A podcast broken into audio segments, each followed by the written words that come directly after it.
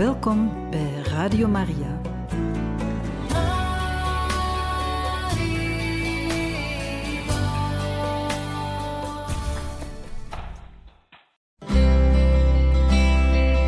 Welkom bij Boekat, een programma van Radio Maria.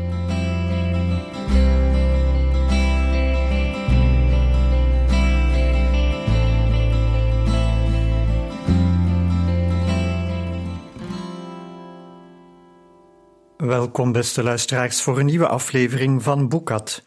We lezen vandaag uit het boek van Tessa Afshar, schrijfster aan het Perzische Hof. De volgende ochtend was het begin van de laatste dag, die de koningin me had gegeven. Ik stond op met pijnlijke benen en bedacht dat ik de afgelopen twee dagen meer had gelopen dan ik anders in twee weken deed. Mijn gewone werkzaamheden, die ik te lang had laten liggen, hadden zich opgestapeld, wachtend op mijn aandacht. Maar ik was er met mijn gedachten niet bij en schoot nauwelijks op steeds maar afdwalend naar de opheldering die Frada's brief wellicht kon brengen. De koerier arriveerde lang nadat het donker was geworden. De man zat nog onder het stof van de weg en overhandigde me een lege koker. Ik wist dat hij sinds het begin van zijn tocht, vele uur geleden, niet had geslapen, noch enige pauze had gehad.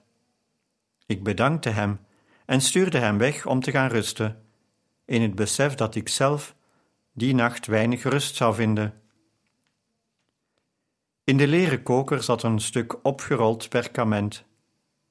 Ik bestudeerde eerst het zegel om er zeker van te zijn dat het nog intact was. Daarna verbrak ik het en ging in mijn verlaten kantoor zitten om Frada's antwoord te lezen. Hij schreef hoe geschokt hij was over de beschuldigingen tegen hem en verzekerde me dat hij onschuldig was.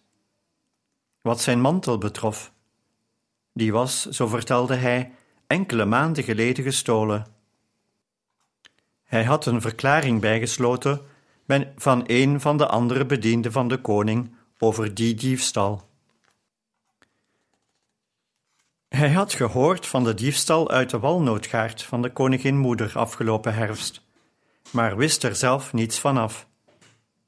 Nadat het was gebeurd, had hij de bewaking over het land van koningin Damaspia opgevoerd, voor het geval de dieven ook daar iets zouden proberen. Hij had er vervolgens geen aandacht meer aan geschonken. Hij schreef ook dat Gaspard twee weken eerder zijn werk van het ene op het andere moment in de steek had gelaten, zonder tijdig op te zeggen. In de korte tijd die hij had om op mijn brief te reageren, had Frada zich het hoofd gebroken over mogelijke aanwijzingen rond Gaspaars gedrag voor diens vertrek. Maar hij had weinig bijzonders kunnen bedenken. De paar details die hij zich herinnerde, somde hij op in de hoop dat ik er iets mee zou kunnen. Een paar weken geleden was een jonge bediende door een koninklijke koerier benaderd en gevraagd om Gaspard te gaan halen. De jongen had de schrijver gehaald, en net voordat hij hem achterliet in het gezelschap van de koerier, had de, de jongen de koerier horen zeggen dat hij door Alogun van Babylon was gestuurd. Ik leunde verrast achterover. Alogun, ze was een van de concubines van Artaxerxes, dat wist ik, en de moeder van zijn zoon Sogdianus. Wat had zij te maken met de doodgewone bedinde van de koningin? Waarom zou zij die een boodschap sturen? Ik richtte mijn aandacht weer op Frada's schrijven. Hij legde uit dat de jongen het bezoek van de koerier vreemd vond. Dorpsbestuurders kregen in regel geen boodschappen van andere leden van het hof dan de koningin. En die brieven gingen altijd direct naar Frada en niet naar een van diens assistenten. De jongen had gezwegen uit angst zijn directe meerdere in diskrediet te brengen. Maar dat veranderde toen Frada iedereen was gaan ondervragen. Helaas kon hij geen verdere details geven over deze uitzonderlijke gebeurtenis, zoals de reden van het bezoek van de boodschapper. Hij herinnerde zich alleen de naam van degene die de boodschapper had gestuurd. Maar er was nog iets raars. Er ontbrak een perkament betreffende de aankoop van een stuk land dat oorspronkelijk verstuurd was door de koningin, voorzien van haar zegel.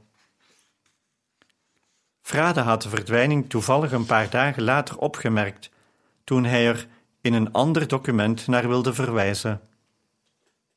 Ik kon me het document dat hij bedoelde nog goed herinneren. Damaspia had die dag haast gehad en was ongeduldiger geweest dan anders. Ze had niet willen wachten tot wij het perkament vol hadden geschreven met de bijbehorende instructies, want dan hadden we het pas de volgende dag kunnen versturen. In plaats daarvan had ze ons gevraagd het document onmiddellijk te versturen, om er zeker van te zijn van de aanschaf van het land. Het document was daardoor opvallend kort uitgepakt, met nog vele lege ruimte op het perkament. Ze had zich omgedraaid toen ik het haar voor had gehouden om het te bezegelen. Ze was afgeleid geweest en had het zegel eigenlijk te laag op het perkament aangebracht. De lege ruimte tussen haar zegel en de Aramese tekst erboven stond me glashelder voor ogen. Ik dankte God voor het Perzische gebruik om elk document in drievoud op te maken, en voor het feit dat we ergens in de archieven van de koningin dus een kopie zouden kunnen vinden van de oorspronkelijke brief die verloren was gegaan. Zo zouden we tenminste nog enig bewijs hebben. Met de grootst mogelijke precisie las ik de brief nog twee keer door en probeerde de verschillende stukjes van de puzzel in elkaar te schuiven. Alogun leek de bron van alle problemen te zijn, en Gaspar was niets meer dan een onbeduidend stuk gereedschap voor haar. Met, met ijskoude berekening had ze Amestris tegen Damaspia opgezet, en wat nog erger was, een plan gesmeed om de reputatie van de koningin te verwoesten. Hoopte ze de koningin te kunnen vervangen? De koning op te zetten tegen zijn eigen vrouw, die hij zo lief had, door haar als dief en leugenaar neer te zetten was ze van plan haar eigen zoon Sogdianus als troonopvolger naar voren te schuiven in plaats van Damaspias zoon. Was dat de oorzaak van alle ellende? De gefrustreerde ambities van een vrouw die al zoveel had. Ik zuchtte, rolde het perkament op en begon in gedachten te oefenen voor het verslag dat ik de koningin de volgende dag uit zou brengen. Mijn enige gezelschap die nacht was een schotel met koud vlees en kikkererwtenkoekjes en mijn eigen zorgelijke gedachten. De volgende ochtend vroeg ontdekte ik dat Pari mijn beste gewaad had gewassen en geperst. Ik weigerde mijn haar te laten krullen, maar stond haar wel toe het bijeen te binden, in een nette knot laag in mijn nek. Ik wist dat ik niet aan haar hoge eisen voldeed en voelde me er stiekem schuldig om. De zenuwen maakten me hongerig, maar ik durfde niet te veel te eten onder Paris' priemende blik, uit angst dat ik mijn schone kleren nog vuil zou maken. Na een hele tijd wachten werd ik naar het vertrek van de koningin geroepen. Ze was in complete koninklijke uitdossing, en haar groene en paarse gewaden waren rijk geborduurd met donkerpaars draad. Op haar voorhoofd rustte een puntige gouden kroon die zo zwaar moest zijn als het hoofd van een volwassen man. Op haar borst en om haar vingers en polsen glinsterden juwelen zo groot als eieren. Ik besefte dat ze waarschijnlijk net terugkwam van een formele ontvangst met de koning. Heb je enig bewijs gevonden voor je wilde vermoeden, schrijver? vroeg ze zonder omhaal. Ja, majesteit. Haar grote blauwe ogen keken me strak aan, en ze stuurde onmiddellijk alle aanwezigen weg. Ik onthulde haar vervolgens alles wat ik had ontdekt. Toen ik de brief beschreef met haar zegel en uitlegde hoe Gaspar hem waarschijnlijk had gebruikt, sprong ze op van haar vergulde zetel. Die vuile hond! Hij heeft mijn brief vervalst. Ja, majesteit.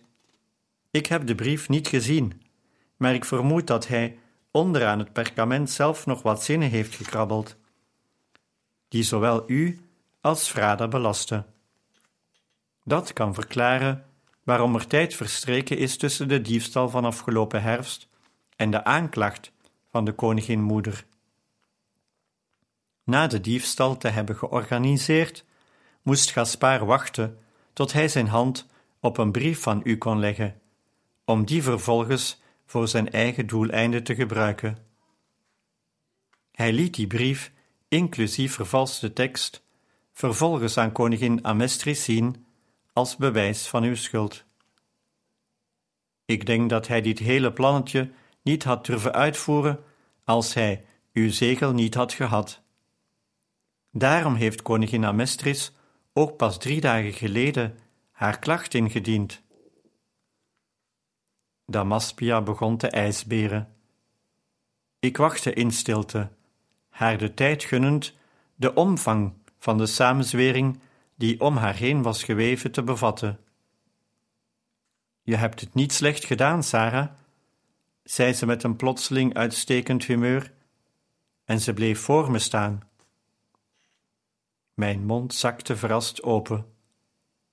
In de drie jaar dat ik nu voor haar werkte, had ze me altijd alleen maar schrijver genoemd. Ik wist niet eens dat ze mijn naam kende. Ik sloot mijn mond weer en boog. Ik zie dat Pari erin geslaagd is je schoon te houden. Mooi. Je mag haar nog wat langer hebben. Ze kan je helpen opknappen. Als je naar koningin Amestris gaat om haar het hele verhaal uit de doeken te doen. Excuseer, piepte ik. Iemand moet met haar praten. Zij gaat er nog steeds van uit dat ik de boosdoener ben die haar bestolen heeft. Maar, majesteit, dat kunt u toch. Misschien zou u dat beter. Ze begon te lachen. Haar schouders dansten op en neer. Je zult verbaal wat vaardiger moeten zijn als je met Amestris gaat praten, want anders. Ze haalde een vinger langs haar lange nek. Ik keek haar met grote ogen aan. Damaspia moest nog harder lachen. Je zou je gezicht moeten zien. Vrees niet. Ze durft je niets aan te doen. In elk geval niet meteen. Ik probeerde zo goed en kwaad het ging mijn waardigheid te hervinden. Maar majesteit, zou het niet beter zijn als u met de koningin moeder sprak? Ik heb die vrouw in geen tien jaar gesproken, en ik ben niet van plan daar nu mee te beginnen.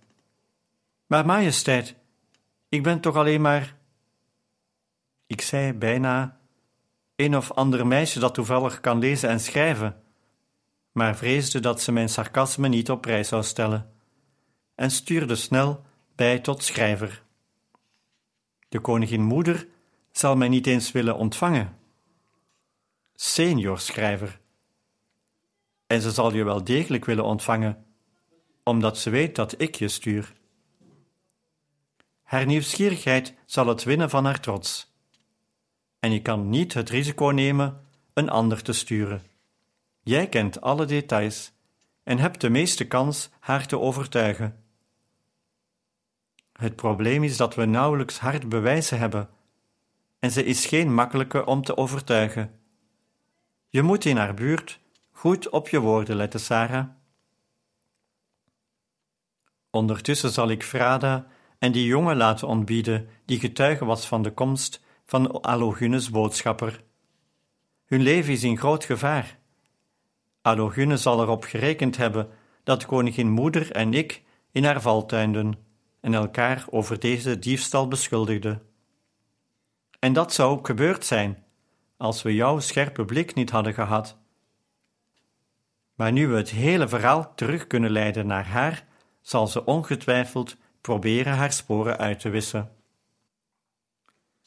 Als Allogune afgezien van Gaspar nog meer spionnen in mijn hofhouding heeft geplant, dan zal ze ook weten dat daar enige kans is de getuigen te doden, die haar betrokkenheid kunnen bevestigen. Vol afschuw bracht ik een hand naar mijn mond. Zou mijn brief aan Frada kunnen leiden tot de dood van die arme jongen? Vrees niet, Frada draait al wat langer mee. Hij zal zelf het gevaar ook hebben onderkend en het kind ergens hebben verborgen. Maar goed, ik zal beter kunnen slapen als ik weet dat ze hier beschermd in Persepolis zijn. Ik zal ook Gaspar laten opspeuren. Slim van je, dat je zijn schuilplaats hebt gevonden. Zijn getuigenis zou Frada vrij kunnen spreken, maar ik vrees dat we niet veel meer zullen vinden dan een lichaam. Ik besefte nu pas dat Allogunne hem vast niet in leven had gelaten. Hij kende te veel van haar geheimen. En het begon me ook nu pas te dagen dat mijn naïeve verlangen om de waarheid te achterhalen zowel schuldige als onschuldige in gevaar hadden gebracht. Ik bad dat ik niet uit hoogmoed had gehandeld, dat ik niet Gods wil had gedwarsboomd met mijn eigen beperkte visie. En ik had moeten bidden voor ik deze taak op me nam, bedacht ik met een bittere smaak in mijn mond.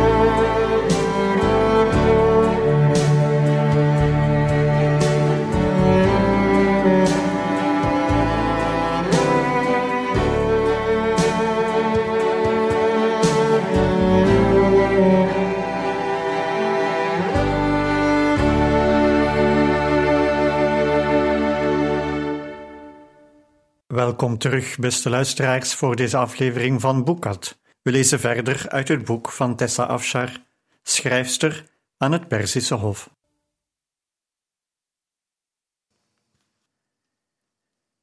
Amestris meest beruchte wraakoefening was de moord op de vrouw van Massistes, de broer van haar man, na eerst haar neus, oren, lippen en tong te hebben afgehakt. Er werd gefluisterd dat ze uit jaloezie had gehandeld, want de dochter van die vrouw zou de maîtresse worden van koning Xerxes. Ik betwijfelde echter of de koningin moeder die moord had begaan, uit een soort romantische afgunst. Aangezien Massistes en zijn zonen niet veel later tegen de koning in opstand kwamen, ging ik ervan uit dat Amestris op een of andere manier achter de samenzwering was gekomen, voor ook maar iemand ervan afwist, en de aanstichter had gestraft zonder op wettelijk bewijs te wachten. Wat niet echt hielp bij de angsten die ik nu uitstond. De koningin moeder was de machtigste vrouw van het rijk, machtiger zelfs dan Damaspia. En in tegenstelling tot mijn meesteres zou zij geen moment aarzelen me ter dood te veroordelen, als ze me schuldig bevond aan verraad. Ik had weinig hartbewijs, zoals Damaspia al had gezegd. Het enige wat ik kon aanvoeren waren mijn woorden. Als ik niet overtuigend overkwam en Amestris tot de conclusie kwam dat ik loog, om de vrouw van haar zoon te helpen, zou ze haar woede misschien wel op mij botvieren, terwijl haar schoondochter buitenschot bleef. De koningin moeder verwaardigde zich daadwerkelijk mij te ontvangen, maar pas nadat ze mij vier uur had laten wachten in de benauwde voorkamer. Ze was Xerxes' derde koningin geweest. De eerste koningin, de lieflijke Vashti, was het verboden ooit nog in de buurt van de koning te komen, nadat ze had geweigerd naar hem toe te komen tijdens een feest, hoewel hij haar had ontboden. De tweede koningin, Esther, was een Jodin, net als ik. Ze had nooit kinderen gebaard en had daardoor haar positie verloren, hoewel de koning volgens de geruchten haar wel de rest van haar leven met de grootste vriendelijkheid behandelde. Misschien zat het feit dat ze niet Xerxes' eerste keuze was geweest, haar nog altijd dwars. Want Amestris stond, er, stond enorm op haar strepen. Ze was de dochter van Otanes, een van de zeven meest prominente leiders van Perzië, en wee degene die haar positie vergat of ter discussie stelde. Ik was niet van plan die fout te maken. Toen ik eindelijk toestemming had gekregen naar binnen te gaan, benaderde ik haar met de hand voor mijn mond, zoals traditie was bij formele koninklijke audiënties, voor het geval mijn adem haar tegenstond. Ik legde de hele lengte van het vertrek met gebogen rug af, alsof ze de koning zelf was, in plaats van zijn moeder. Zelfs de koning verlangde dergelijk gedrag enkel tijdens tribuutdagen, wanneer afgevaardigden en hovelingen uit alle hoeken van het rijk kwamen om hem symbolische geschenken te overhandigen, als bewijs van trouw aan hun leider. De koningin moeder leek echter geen bezwaar te hebben tegen mijn overdadige nederigheid. Ze liet me zelfs een hele tijd gebogen voor haar staan, zo lang dat ik het kleurrijke tegelpatroon voor haar vloer al bijna uit mijn hoofd begon te kennen. Elke tegel was gemaakt van kostbare stenen. Alleen de meest exquisiete materialen van over de hele wereld waren goed genoeg voor Amestris. Toen ze me een teken gaf, kon ik eindelijk overeind komen. Maar ik zorgde er wel voor dat mijn handen netjes langs mijn lichaam bleven. Ze had een rimpelig gezicht, maar het was overduidelijk dat ze ooit een mooie vrouw was geweest. Ze schoof wat heen en weer op haar gouden troon en nam me met koude ogen op. Vervolgens knikte ze naar de dienstmaagd, die naast haar stond. De dienstmaagd blafte: Vertel. Ik ademde diep in en bad dat ik mijn verhaal nog wist. Majesteit, koningin Damaspia heeft me gestuurd. Ze heeft me verzocht u te informeren over de recente gebeurtenissen in relatie tot uw majesteitszaak tegen Frada. Ik presenteerde haar in mijn beste hofpersis alles wat ik wist. Het enige detail dat ik wegliet was dat Nebo me had verteld van de brief die Amestris van Gaspar had gekregen. Nebo zou immers onder verdenking komen te staan, als ik onthulde dat ik van dat document afwist. De oude dame doorboorde me met haar va vale ogen. Je beschuldigt Alogune van een zwaar vergrijp. Ik beschuldig de dame in het geheel niet, Duxis, zei ik behoedzaam, de Elamitische term gebruikend voor prinses. Ik wist dat ze daar de voorkeur aan gaf. Misschien is er geen verband tussen het bezoek van de koerier aan Gaspar en de diefstal uit de walnootgaard van uw majesteit. Ik beschrijf enkel de feiten zoals ik ze ken, opdat majesteit haar eigen conclusie kan trekken. Ze snoefde. Jij bedoelt dat je me naar jouw conclusie wilt sturen. Ze wendde zich tot de bediende naast haar en fluisterde iets wat ik niet kon verstaan, waarna ze zich weer tot mij richtte. Wat jij niet weet, schrijver, is dat ik het zegel van jouw meesteres heb en zo haar slinkse plan kan bewijzen. Zie je daar maar eens uit te kletsen. Het zegel van mijn meesteres? vroeg ik met gespeelde onschuld en keek haar aan alsof ik dat voor het eerst hoorde. Ze draaide haar gezicht weg, alsof ik haar verveelde. Kijk zelf maar. Vervolgens negeerde ze me en fluisterde weer wat tegen een van haar bedienden. Ik was nog niet door haar weggestuurd, en dus bleef ik staan waar ik stond. Ik had er alles voor gegeven heel even te mogen zitten. Een paar minuten later kwam Nebo puffend binnen met in zijn handen een stuk perkament. Hij wierp een snelle blik naar mij. Ik keek weg, alsof hij een vreemde was. Een gebaar dat hem ongetwijfeld geruststelde. Amestris wees met een knokige vinger naar me en Nebo gaf me het document. Ik hoefde niet te doen of ik het bestudeerde. Ik moest iets zien te vinden wat duidelijk maakte dat er een discrepantie was tussen het eerste en het tweede deel. Gaspar had een talent voor vervalsing, dat was wel duidelijk. Ook al wist ik exact wat ik in de handen had, toch duurde het even voor ik na zorgvuldige bestudering in het eenvoudige Aramese schrift vond wat ik zocht. Ik keek op om te zien of de koningin moeder mij toestemming gaf te spreken, wat ze op haar eigen dode gemakje deed. We hebben een kopie van deze brief in het archief van de koningin Duxis, zei ik. Ik kan het laten halen, zodat u de oorspronkelijke tekst kunt zien. Die was een stuk korter dan dit en eindigde met de alinea over de aanschaf van land. De koningin plaatste per ongeluk haar zegel lager op het perkament dat ik nu in mijn hand heb. Dit latere deel, dat mijn meesteres en Frada belast, is een frauduleuze toevoeging.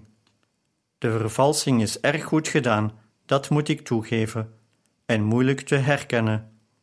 Het is zeker niet de fout van een van uw schrijvers, Duxis, dat ze het niet zagen.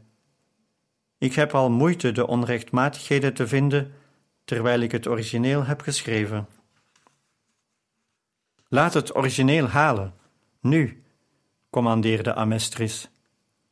Ik besefte dat ze mij niet de kans wilde geven zelf een document te vervalsen.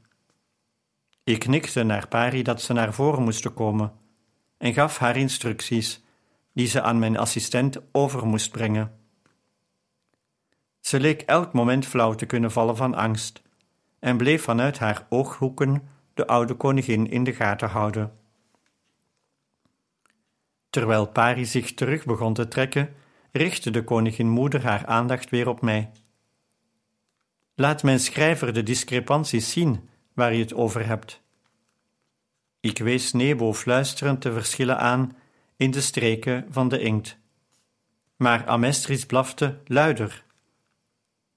Ze beschouwde het in haar ouderwetse hofhouding als beneden haar waardigheid zich direct met dit soort volkse zaken bezig te moeten houden. Tegelijkertijd was ze niet geneigd ook maar een klein beetje controle aan een aan een ander over te laten. Ik zag wel hoezeer haar hofhouding verschilde van die van mijn koningin, en was dankbaar dat ik voor de jongeren werkte. Met luidere stem herhaalde ik mijn toelichting, elke letter aanwijzend, en Nebo luisterde aandachtig. Toen ik klaar was, knikte Amestris een keer en Nebo liep naar haar toe voor een gefluisterde conversatie waar ik geen woord van kon verstaan. Pari verscheen in de deur en liep op mijn teken snel naar ons toe. Ik wierp een snelle blik op het document om er zeker van te zijn dat dit het juiste was en overhandigde het aan Nebo. Die bekeek het eveneens en sprak vervolgens lang en wederom op fluistertoon met de koninginmoeder. Uiteindelijk deed hij een stap opzij en de bediende van de koninginmoeder blafte: U kunt gaan. Ik kon gaan. Maar hoe luidde haar oordeel? Ik keek Amestris verward aan, maar op haar uitgestreken gezicht was niets af te lezen. Nebo glimlachte geruststellend naar me, en aangezien ik het daar blijkbaar mee moest doen, begon ik me terug te trekken.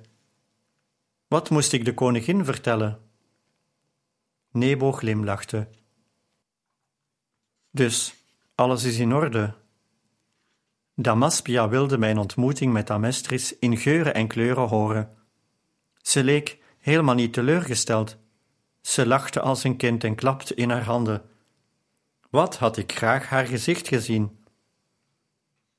Ze vindt het vreselijk ongelijk te hebben. Het was niet erg vermakelijk, majesteit. Aan haar gezicht was niets af te lezen, en al helemaal geen spijt dat ze Frada valselijk had beschuldigd. De koningin lachte. Ze is als een sphinx, oud en uitdrukkingsloos. We kunnen alles nu verder aan haar overlaten. Ik fronste. Majesteit, ik betwijfel of ze iets onderneemt. Ze stuurde me zelfs weg zonder te zeggen of ze me geloofde. O, ze gelooft je, mijn klein schrijvertje, anders had je de scherpe kant van haar tong wel gevoeld. Ik betwijfel, of haar tong een andere kant heeft. Damaspia's ogen fonkelden van vrolijkheid. Ik was blijkbaar reuze vermakelijk. Ik vond het een hele ervaring, vertrouweling te zijn van de koningin van Perzië me wentelend in haar goedkeuring.